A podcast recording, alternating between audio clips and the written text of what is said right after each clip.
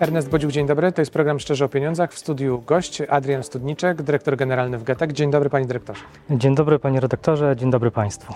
A to oznacza, że porozmawiamy sobie o energetyce i chciałbym, panie dyrektorze, żebyśmy zaczęli od takiego może trochę filozoficznego pytania. Jak pan patrzy na rynek energetyczny, tak szeroko, bardzo szeroko, e, to podpisze się pod, pan pod takim stwierdzeniem, że my staliśmy się społeczeństwem wyjątkowo świadomym energetycznie, jeżeli mogę użyć takiego sformułowania. Bo kiedyś to o energetyce wiedzieliśmy tylko tyle, że kabel do gniazdka jest prąd. A dzisiaj no, mówi się bardzo dużo i robi się dużo też w energetyce. No, trudno się z tym nie zgodzić, dlatego że po pierwsze energia stała się bardzo istotnym elementem naszego życia. Praktycznie wszystko jest zasilane energią. E, wręcz e, dążymy do tego, żeby nawet samochody nasze były zasilane energią elektryczną. Stąd y, zainteresowanie energią elektryczną, to y, skąd ta energia pochodzi, jak się wytwarza, y, z jakich paliw jest wytwarzana, stało się może nie do końca elementem rozmów przy, przy świątecznym Ale stole. Powszechną, można powiedzieć, prawda? Zdecydowanie tak. Coraz więcej ludzie mówią o energii, Coraz więcej też mówią o cenach energii, dlatego że w ostatnim czasie mieliśmy bardzo dynamiczny rynek, jeżeli tak możemy powiedzieć. Mhm. Ceny gwałtownie rosły. Nie było to. Mm, ja nie pamiętam, y, żeby tak szybko ceny rosły w historii, y, jak w ostatnich dwóch latach. A y, proszę mi powiedzieć, bo y, w zasadzie nie pomylę się chyba, jak powiem, że jeszcze parę lat temu w zasadzie energię to my tylko kopalnie, węgiel, y, robiliśmy prąd. A dzisiaj te, ten wybór jest ogromny. Wybór jest ogromny.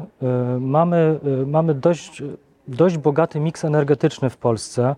Mamy już, zaczynamy mieć y, bardzo zazielenioną... Bogaty, choć na razie jeszcze węgiel dominuje. Na razie, na razie węgiel dominuje, natomiast wszystkie, wyboru jest mnóstwo. Wszystkie dostępne źródła energii pierwotnej, paliwa są teraz wykorzystywane.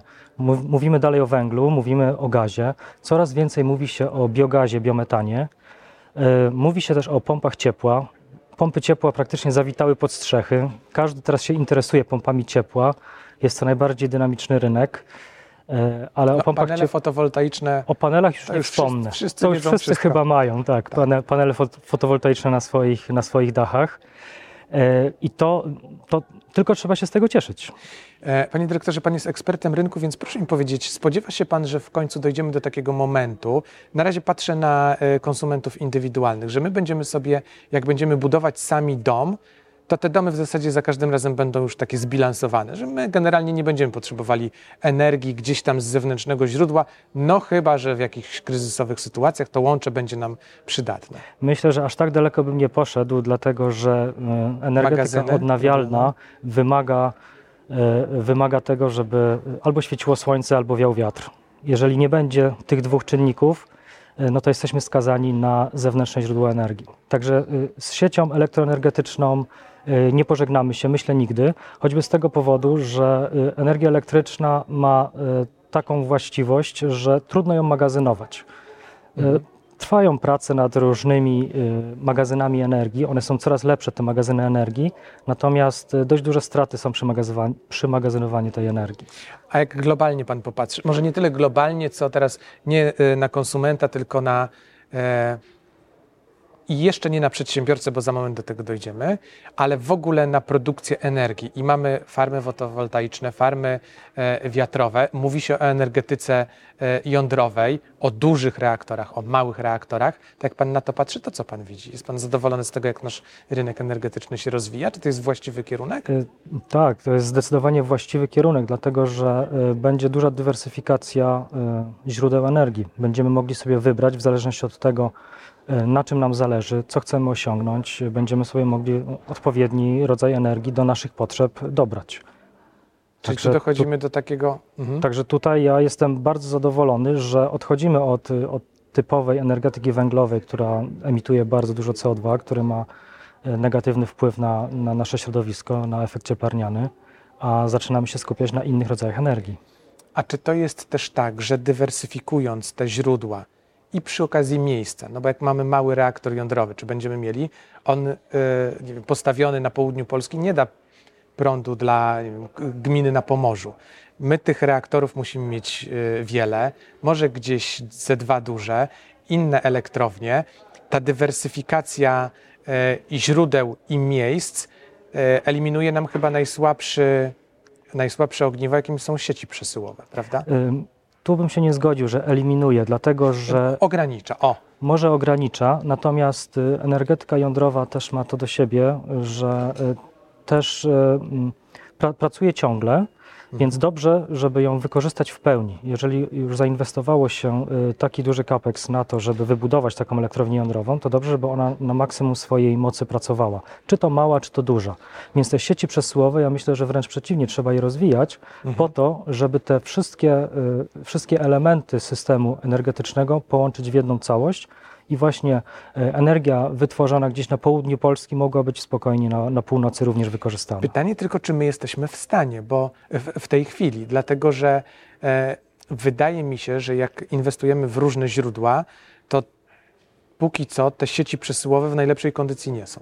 Póki co nie. Tutaj faktycznie widać dość duże y, zaniedbania w inwestowaniu w sieci przesyłowe. I to wyraźnie pokazał rozwój y, energetyki y, słonecznej, fotowoltaiki i wiatrowej również, gdzie mamy momenty takie, gdzie sieci przesyłowe y, już przestają wydawać warunki przyłączenia do tej sieci, operator tej sieci przestaje wydawać te warunki, właśnie, właśnie z tego powodu, że nie jest w stanie przyjąć tyle energii, ile prosumenci są w stanie wyprodukować. No to proszę mi w takim razie odpowiedzieć, wydaje mi się, na trudne pytanie, jak w takim razie ja, na przykład jako przedsiębiorca mający fabrykę w Szczecinie, albo w, innym miejscu. Mam być pewny swojej produkcji, czy zagwarantować sobie mhm. produkcję, mieć dostawy tego prądu, jeżeli mam się obawiać, że sieć przesyłowa nie jest takiej jakości, jakiej być powinna i ta nawet świetnie działająca elektrownia jądrowa w Zabrzu nie prześle mi tego prądu, nawet jak będzie miała go. Mhm. No, tak. Po, po, pierwsze, no, trzeba wierzyć w, w, sieci przesyłowe, jednak to jest y, y, operator, operator ogólnokrajowy. E, który spełnia wszystkie normy jakościowe przesyłu, więc jeżeli już wydał warunki przyłączenia, to tą energię, tę energię prześle do, do odbiorcy. Mhm. Natomiast drugim rozwiązaniem jest e, pójście w stronę e, autowytwarzania, czyli budujemy sobie swoje źródło dostosowane do naszych potrzeb. Jeżeli jesteśmy zakładem przemysłowym, a o tym Pan wspomniał, czyli potrzebujemy również inne media energetyczne, nie tylko energię elektryczną, Aha. na przykład parę, na przykład gorącą wodę, Wtedy możemy y, procesy połączyć ze sobą w, w, proces kogeneracyjny i w jednym procesie wytwarzać i energię elektryczną, i ciepło technologiczne. A to jest taki trend, jak pan patrzy na rynek, że przedsiębiorcy Chociaż ja mówię o przedsiębiorcach, ale tak sobie myślę, że równie dobrze to może być na przykład miasteczko nieduże, czy jakaś gmina, że każdy dba o, czy zaczyna dbać o prąd dla siebie, żeby mieć go gdzieś zagwarantowanego w okolicy, albo sobie stworzyć taką niedużą Tak, ten, ten trend jest, jest widoczny. E, szczególnie ostatnie, e, ostatnie lata pokazały, że dobrze jest mieć e, swój prąd, mhm. albo być przynajmniej, mieć możliwość bycia niezależnym. Nigdy się nie będzie odciętym od sieci, natomiast dobrze jest móc y, w tym procesie produkować sobie y, energię elektryczną dla siebie. Czyli można doprowadzić do takiej sytuacji, że ja mam ten prąd, a ten kabel, który jest, on jest w razie czego? Tak. Dodatkowo, jeżeli mamy bardzo duże y, potrzeby, na przykład na parę technologiczną, to możemy nadwyżki energii elektrycznej produkować i sprzedawać innym podmiotom. Mhm. Stajemy się wtedy sprzedawcą energii elektrycznej, czyli dodatkową działalność zaczynamy prowadzić. Oczywiście nie musimy tego robić, bo są różne wyspecjalizowane firmy, które potrafią e, zorganizować doskonale taki proces, wybudować, sfinansować taką, e, taką instalację i później nadwyżki prądu zagospodarować e, na rynku, sprzedając innym podmiotom. I wtedy podmiot, inwestor jest w stanie mieć tańszy prąd dla siebie. Czyli ja w zasadzie jako firma albo miasto mogę sobie pomyśleć, ok, chcę mieć własną elektrownię i to jest dzisiaj do zrobienia, tak? Jest to do zrobienia, jak najbardziej. Z partnerami którzy, którzy są wyspecjalizowani na rynku. A jak się taki prąd robi dla własnej firmy? Z czego się go e, wytwarza? Czy panele fotowoltaiczne to jest e, jedyne rozwiązanie, nie. czy, czy, czy nie, są nie, nie. inne? Pan, jeżeli mówimy no o samym jak prądzie... Jak słońce nam nie świeci, tak jak dzisiaj To mamy kłopot. Jest, to dzisiaj, mamy kłopot. dzisiaj akurat byłby to bardzo, dobry, bardzo dobra inwestycja, mhm. posiadanie paneli fotowoltaicznych. Natomiast w nocy, a jeżeli jesteśmy zakładem produkcyjnym, prawdopodobnie pracujemy na trzy zmiany, E, czyli zmiana nocna nie miałaby tego prądu z naszej produkcji. No tak. Więc e, najlepiej, jeżeli to jest produkcja, która trwa wymaga, cały czas, tak? Po pierwsze, która trwa cały czas i która nie jest e, tylko związana z, z wykorzystaniem energii elektrycznej, ale na przykład o, o parze technologicznej, o której już wspomniałem. Mhm. Wtedy wykorzystujemy parę do zasilania naszych maszyn parowych reszta pary idzie sobie na turbinę i turbina wytwarza energię elektryczną, która zasila inne maszyny. Mhm. I wtedy taki proces jest najbardziej efektywny pod względem wykorzystania paliwa pierwotnego, a o to też nam chodzi, żeby poprawiać efektywność energetyczną w przedsiębiorstwach. Czyli żeby jak najmniej paliwa w różnej formie. To może być energia elektryczna, to może być biomasa, czyli zrębki, pelety, to może być biogaz. To, co, to, co aktualnie jest dostępne, ewentualnie to, na co my y, stawiamy w naszej strategii, czyli my jako przedsiębiorcy. Tak, e, to, to ja nie wiem, czy to da się opisać, ale gdyby Pan spróbował, gdyby Pan miał dowolność działania i mógł zaprojektować idealne źródło, a może nie, idealną mm, elektrownię dla firmy, dla miasta, dla gminy, e, która chce sobie zbudować coś w swoich granicach, żeby mieć ten prąd, to jakby Pan ją zestawił? Jak ona by wyglądała? Co ona by e, mogła robić? Jeżeli mówimy o gminie, to jest troszkę inne zestawienie niż jeżeli, jeżeli mówimy o zakładzie przemysłowym. Zacznijmy. E, zakład przemysłowy to przede wszystkim musi patrzeć na to, e, co jest mu potrzebne do produkcji, dlatego że to jest mhm. jego podstawowa działalność, na tym się zna, to, to produkuje jakieś tam produkty finalne. Mhm. I jeżeli potrzebuje niezawodności dostaw prądu, no to wtedy trzeba byłoby tak zestawić system, żeby po pierwsze backupem była sieć, czyli żeby zawsze z tej sieci energia elektryczna płynęła na czas chociażby odstawienia y, naszych urządzeń y, wytwarzających. Po drugie, y, zbudowałbym także redundantne źródło, czyli zwielokrotnił moc, która jest potrzebna. Oczywiście to są droższe rozwiązania, ale jeżeli mamy bardzo krytyczny proces produkcyjny, który wymaga nieprzerwanej dostawy, nawet milisekundy y, Aha. wystarczą, żeby na przykład y, cały wsad materiałowy poszedł do, jako odpad, to wtedy takie inwestycje też, też możemy zbudować, tak, żeby klienta, klienta zapewnić o stuprocentowej dostawie energii do jego procesu. No dobrze, ale jeżeli na przykład firma nie ma pieniędzy na inwestycję taką, to można to w jakiś sposób sfinansować? No zdecydowanie, to tutaj Pieniądze są, tyle... pieniądze są na rynku. Mhm. Nie, zawsze, nie zawsze trzeba e, kapitał własny e, angażować, angażować w to, żeby, żeby wybudować elektrownię, szczególnie jak się nie jest przedsiębiorstwem energetycznym i się na tym przedsiębiorca dany nie zna. To nawet mógłby mm, źle wydać te pieniądze. Więc lepiej, lepiej z jakimiś e, firmami wyspecjalizowanymi wejść w, w, długoterminowe partnerstwo, dlatego że mówimy o energii elektrycznej, o rynku energii, czyli o inwestycjach bardzo długoterminowych. Mhm. Tutaj nie mówimy o roku, dwóch, mówimy raczej o 10, 15, 20 latach. I to są projekty, które w takim horyzoncie dopiero zaczynają przynosić e, efekty. Ale to jest inwestycja w bezpieczeństwo, można to tak określić, prawda? Zdecydowanie. To, to są inwestycje infrastrukturalne.